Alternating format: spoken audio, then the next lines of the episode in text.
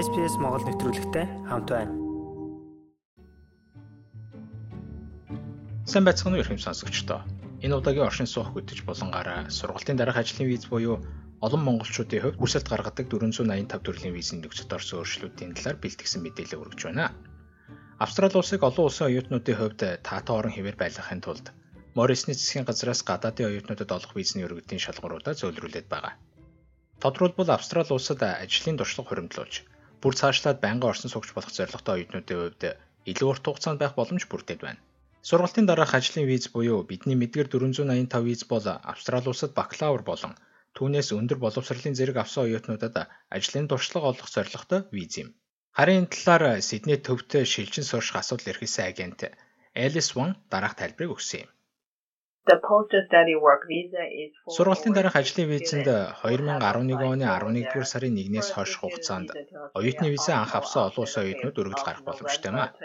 Бүр тодруулбал бакалавр болон түүнээс дээш боловсролын зэрэг Австрали улсад авсан оюутнууд төгссөнөөс хойш 6 сарын хугацаанд 485 төрлийн визэнд өргөдөл гарах боломжтой байдаг.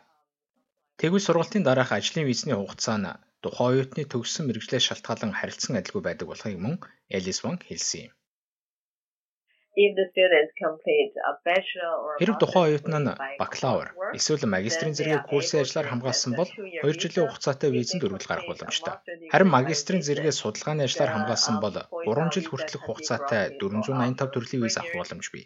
Харин Австрали улсад PhD авсан хүмүүс 4 жил хүртэлх хугацаагаар эхний 485 визээ авах боломжтой байдаг. COVID-19 цар тахлаас улбаатай хязгаарлалтад өртсөн олон улсын оюутнуудад дэмжлэг үзүүлэх зорилгоор Дотоод хэргийн яамнаас 485 төрлийн бүх визний өргөдлийн шаардлагад өөрчлөлт оруулсан юм. 2020 оны 2 дугаар сараас өмнө 485 төрлийн визийг авахын тулд тухайн оюутан визний өргөдөл гаргахдаа болон виз гарах үед Австрали улсад байх шалгууртай байсан гэдгийг Neil Consultancy-гийн шилжин сурах асуудал эрхэлсэн агент Niraj Shrestha хэлсэн юм.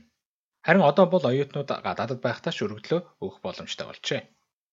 Because of the pandemic Төгсгөөсөө 1-2 семестрийн өмнө амралтаараа гэр бүлтэйгээ уулзахаар нутаг буцаа оюутнуудын хувьд цар тахлын улмаас маш хүнд зогсонд орсон. Учир нь тэд хилийн хязгаарлалтын улмаас буцаж ирэх боломжгүй болсон юм. Харин энэхүү өөрчлөлтөөр тэд 485 визэнд өргөл гарах боломжтой болж байгаа ба ингэснээр хил нэгдмэц Австралид ирэх боломжтой болж байна.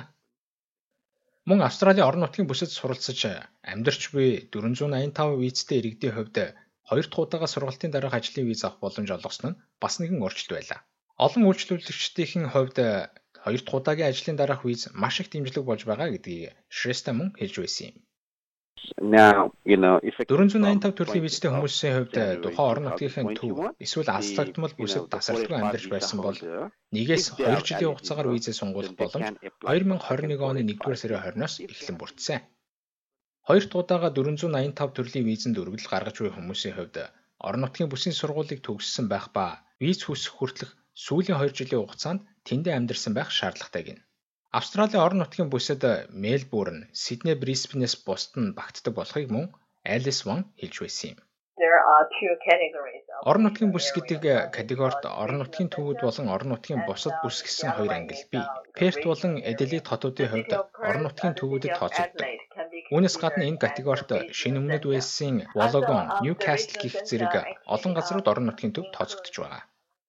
Үүнээс гадна сургалтын дараах ажлын визний үндсэн өргөл гарагч нь гэр бүлийн шууд гишүүдэд Австралид авчрах боломжтой бөгөөд тэднэр нь сурах болон ажиллах хэрэгтэй гэдгийг Шрэстэй хэлсэн юм. And during that time Виза авсан хүмүүс нь визний хугацаанд эх орон руугаа буцаж очиод хүнтэйгээр л иж түүнийг ч авчрах боломжтой байдаг. Гэр бүлийн гишүүдийн хувьд үндсэн виз даруулсан хүнтэй яг адил нөхцөл үйлчлэнэ. 485 төрлийн визний нэг давуу тал нь ямар нэгэн ажлын цагийн хязгаар байхгүй. Нөхцөл заагаагүй учраас бүтэн цагаар эсвэл хагас цагаар ажиллах нь тэдний дурын асуудал байдаг. Нирач Шрестагийн хувьд балб, энтэг, Бангладеш болон Пакистан оюутнуудтай түлхүү ажилдаг ба Зарим оюутнууд нь байнгын оршин суугч болоход нь дэм болж магадгүй гэсэн үгнээс орон нутгийн бүсэд сурах талаар бодолцож эхэлсэн байна. Бидний хэлдгээр төр виз буюу сургалтын дараах визийг танилцуулсан гол шалтгаан нь байнгын виз авах нэг зам юм. Энэ ч утгаараа энэ бол олон улсын оюутнуудын хувьд орон нутгийн бүсэд суралцахад маш сайн хөшүүрэг болж байна гэж бодож байна. Мөн өөр төрлийн виз болох Graduate Work Stream визний хувьд 18 сарын хугацаатай олгогддог ба үүнийг авахын тулд тухайн төгссөн мэрэгжил нь мэрэгжилтэй ажиллах хүчний жагсаалтад байх ёстой зэрэгцээ. Ур чадварын үнэлгээг давах ёстой байдаг гин. Лайк, шеэр, комент үлдээгээрэй. SBS Монгол Facebook хуудсыг дагахаа мартаоцай.